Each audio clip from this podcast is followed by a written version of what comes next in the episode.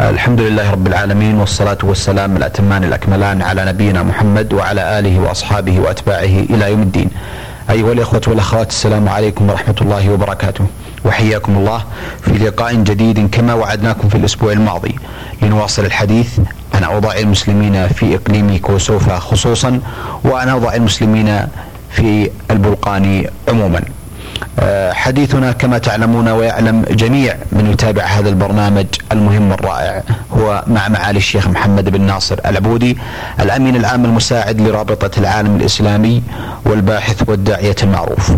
آه، في مطلع هذا اللقاء أرحب بمعالي الشيخ محمد وأشكر له شكرا جزيلا ومتعاقبا آه، تواصله وقبوله دعوة البرنامج ليواصل لنا الحديث عن وضع المسلمين هناك معالي الشيخ في الحقيقة تحدثتم في اللقاء السابق والماضي عن آه، إقليم كوسوفا جغرافيا وسياسيا وأوضاع آه، إخواننا المسلمين هناك آه، في دخول الإسلام وعن أوضاعهم قبل تسلط أو التسلط الصربي عليهم.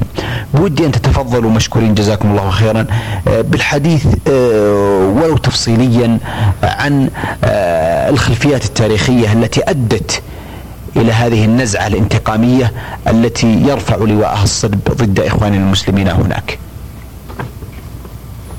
بسم الله الرحمن الرحيم. شكرا لكم على حسن ظنكم وعلى اهتمامكم بهذا الموضوع المهم جدا. ولا مانع بأن نتحدث آه، هنا عن الأسباب الخلفيات لهذه آه، الأوضاع الحاصلة ولهذا التعصب الصربي الشديد. ذلك التعصب الذي فاتني أن أقول في الحلقة السابقة ولكنني أذكره هنا أن الصرب قد انزعجوا بل أنكروا على المسلمين حتى الولادات. فقد حفظ عن قائدهم قائد الصرب المتعصب الحالي سلوبودان ميلوسوفيتش أنه خطب في كسوفة قبل ست أو سبع سنوات في الصرب الموجودين في كسوفة وقال علنا وأمام آه، آه، أمام المصورات التلفزية وكذلك أمام الصحفيين قال يخاطب الصرب إن الألبان في صربيا يحاربوننا في الأطفال. قال وهذا مش يعني مكتوب ومعروف وأمام الناس إنني لم أشاهد امرأة في كسوفة إلا وهي حامل. ثم أيد كذبه ذلك فقال حتى إن المرأة ذات السبعين سنة تجد بطنها منتفخا فهي حامل. ذلك قال لأن الألبان يتزايدون أكثر من تزايد الصرب ولكن هذا المتعصب الذي لا يرجع لا إلى دين ولا إلى إنسانية في تعامله مع الألبان لم يقل أن الصرب لم يملكوا كسوفا ولم يستولوا عليه إلا مدة قصيرة إلا مدة قصيرة لا تكاد تعادل عشرة بالمئة من المدة التي استولى آه، عليه المسلمون. فيها لماذا؟ لأنهم استولوا عليه الحقوه بالصربيا في عهد ملك ملوكهم ولكن بعد نحو ثلاثين أو أربعين سنة حدثت الموقعة العظيمة التي يتعصب الصرب لها يتعصب الصرب ضد الألبان في كسوفة وكذلك يتعصبون في تمسكهم بكسوفة تمسكا مخالفا للأعراف الدولية وهو أن معركة فاصلة ضخمة قد حدثت بالقرب من إبرشتنا عاصمة كسوفة آه، حدثت في سهل كسوفة بين المسلمين وبين الصرب. في ذلك الوقت جمع ملك آه، آه، صربيا جيشا ضخما يريد منه فيما أعلن هو أن يقضي على القوة المسلمة المتمثلة في السلطان العثماني وذلك هذا الأمر كان في القرن السابع الهجري. نعرف أنه يعني في القرن الثامن وليس السابع سنة السبعمائة ونيف. فحشد نحو مئتين ألف في ذلك الوقت هؤلاء هؤلاء جنوده كانوا من الصرب صربيين وكانوا من البلغاريين وكانوا أيضا من الألبان قبل أن يكونوا مسلمين أي من سكان المنطقة قبل أن يسلموا. وعندما حشد هذا الجيش كان واثقا ثقة عظيمة ثقة عمياء بأنه سوف يقضي على جيش المسلمين الذين يمثلهم السلطان العثماني.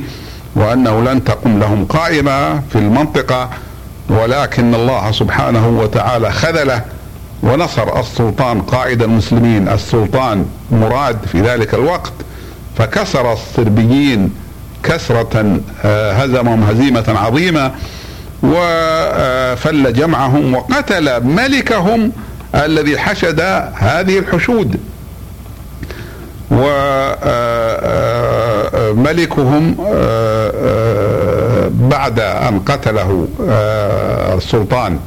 مراد جاء أمير من أمراء الصلب الصرب بحيلة حيلة تنم عن الغدر وعن التعصب وقال للناس بعد أن انتهت المعركة بنصر المسلمين إنني أريد أن أسلم على يدي السلطان. مراد فأنا أمير ولا يجوز أن أسلم على يد غيره فأفسح له المسلمون ذلك لأن المسلمين ليست لديهم عقد وليست لديهم سوء ظن سوء وليس لديهم سوء ظن سوء ظن بمن آه، يظهر أنه سيسلم وعندما آه، وصل إلى السلطان قال له الذين معه إنني أريد أن أقبل رجل السلطان. فسامحوا له بذلك على اعتبار أن هذا جبر لخاطره لأنه مهزوم وبلاده مهزومة. فاستل من بين ثيابه خنجرا قصيرا مسموما وضرب به بطن السلطان. فمات السلطان مراد من ذلك. فقتل المسلمون ذلك الأمير الغادر. ولكن ماذا فعل المسلمون بعد ذلك؟ تولى بعد السلطان في هذه المعركة كان معه وفي نفس الميدان كان معه ابنان ابنه بايزيد يلدرم وابنه الثاني يعقوب شلبي فتولى ابنه بايزيد السلطنة. ولكن ماذا عمل بعد ذلك؟ هل انتقم لوالده من قتل الأبرياء؟ لا بالعكس. الملك آه، آه، السلطان أحضر ابن الملك الذي قاتل المسلمين وكان اسمه لازار وقد قتل في الحرب فأحضر ابنه وولاه على الصرب وقال له اذهب أنت ابن ملك ولا مانع لدينا من أن تحكم قومك بموجب الأعراف والدين الذي تدينون به داخليا. ولكن لا آه، يمكن أن آه، تقوم بالحرب أو بالتعبئة ضدنا ضد المسلمين. وكذلك آه، يجب أن تدفع مبلغا من المال وهو يعرف سواء السلطان أو سلطان بايزيد أو ابن الأزار ابن الملك الذي عينه السلطان بايزيد يعرف أنه لا يمكن أن يستطيع أن يقاتل المسلمين بعد أن هزمه لأنه جمع الجيوش من كل جهة فلم يستطع القتل من ذلك لم يستطع الانتقام من السلطان إلا أنه قتل مراد. فمع ذلك السلطان آه، آه، عينه ملكا على بلاده ولكن استمر الحكم الإسلامي ليس مباشرا ولكنه هو الذي له السيطرة على البلاد. وفي هذه الأثناء كما نحن نعلم كثير من الصرب ومن غيرهم آه، ليس كل الصرب ولكن كثير من الأقوام السلافية دخلوا في الإسلام وعلى رأسهم أصحاب آه، أهل البوسنة والهرسك الذين يتكلمون اللغة نفسها التي يتكلم بها الصرب وهي اللغة المعروف باللغة الصربية آه، الكرواتية. سمى الصرب كرواتية. فلا يزال الصرب وأقول شيء آخر مهم أن الملك أن السلطان بايزيد عندما خلف والده الذي غدر به الصرب وقتله أمير من أمرائهم آه، غدرا آه، ولا الأمير ستيفان ابن الملك المقتول لازار ولاه حكم صربيا وزاد على ذلك بأن تزوج بأخته أخت له سمى أوليفييرا. نعم ليس ذلك من أجل أن السلطان لم يجد امرأة من الصرب لأنهم مهزومون في الحرب ويجيز الإسلام لهم استرقاق الصربيات. ولو أراد السلطان كان قصده من ذلك مجرد الزواج لاستطاع أن يحصل على آلاف من الجواري أو من النساء من عندهم ويختار من يشاء. ولكنه أراد بذلك طمأنة الصرب وتوثيق الصلة بهم الصلة الإنسانية. ولكن أين هذا؟ من معاملة الصرب للمسلمين آه، في الوقت الحاضر. وقد استمر الحكم الإسلامي في آه، آه، يوغوسلافيا كلها ومنها إقليم كسوفا نحو من 400 سنة. وفي أثنائها وفي أولها أسلم أعداد كبيرة أسلم أعداد كبيرة. ومنهم إخواننا الألبان المسلمون الموجودون الآن في إقليم كسوفا فالصرب كانوا لتعصبهم يعتبرون أن كسوفا أقليم كسوفا هو رمز لتاريخهم مع أنه رمز لهزيمتهم ودحرهم وذهاب الملك آه، منهم وذهاب أمرهم وتفرق شملهم ولكن هكذا التعصب آه، بقي بقي أن نقول إن هذه المعركة التي وقعت كانت بالتحديد في العقد الأخير من القرن الثامن الهجري أي سنة 791 أو 92 هجرية. ونعرف أن هذا تاريخ آه، قديم. أحسنتم معالي الشيخ. آه الأوضاع التي يعيشها المسلمون هناك معالي الشيخ فيما يسمى بالبلقان عموما. هل ترون أن من الممكن آه من خلال هذه المعلومات التي آه ذكرتموها ومن الخلفيات التي تدركونها سلفا هل تتصورون أن من الممكن أن يعاد آه، آه، كوسوفا إلى بلدانهم وأن يبقى الإسلامي أو آه، أهل الإسلام هناك يتمتعون بكامل الحرية التي يجب أو على الأقل يتمتعوا بها في ضوء هذا التعصب الصربي الذي يقابلون به؟ اولا يجب أن نعرف أن الذين يقاتلون الصرب الآن ويخاصمونهم هم من غير المسلمين هم الاتحاد الأوروبي والولايات المتحدة الأمريكية أي حلف شمال الأطلسي. وبطبيعة الحال ليس آه، آه، لم يقوموا من أجل تثبيت الحكم الإسلامي أو آه، كذلك لم يقوموا من أجل أن الموضوع موضوع إسلامي وإنما قاموا من أجل أن الموضوع موضوع إنساني سياسي ولم يتحملوا أن يوجد مثل هذا الظلم والعسف والقتل والفجور والطرد أن يوجد في أوروبا في هذا العصر. لأن لهم أعراف اكتسبوها على المدى الطويل والله سبحانه وتعالى كما نعلم جميعا قد كرم ابن آدم وأعطاه عقل ونحن نرى الأوروبيين الآن لديهم آه، آه، مزايا مصلحية أي أخلاق مصلحية. نحن نرى الأوروبيين الآن أقل غشا من غيرهم. ليس ذلك من أجل آه، كما نعلم من أجل دين أو عدم دين وإنما ذلك مصلحيا. رأوا أن المصلحة تقتضي أن آه، آه، يعاملوا الناس بمعاملة معاملة ليس فيها غش. الآن رأوا أن المصلحة تقتضي أن يتعاملوا فيما بينهم في أوروبا معاملة إنسانية. فلا يقبلون مثل هذا. ولذلك نحن نرى بل نقول ونجزم إن شاء الله أن المسلمين الألبان سيعودون إلى كسوفا لكن لا نقول إنهم سيعودون آه، بحكم إسلامي بل ربما كان العكس هو الصحيح أنهم سيعودون بحكم كما نقول آه، ديمقراطي بمعنى أن أن يكون تكون لهم الحرية في آه، دينهم مثل ما لغيرهم في بقية أنحاء أوروبا.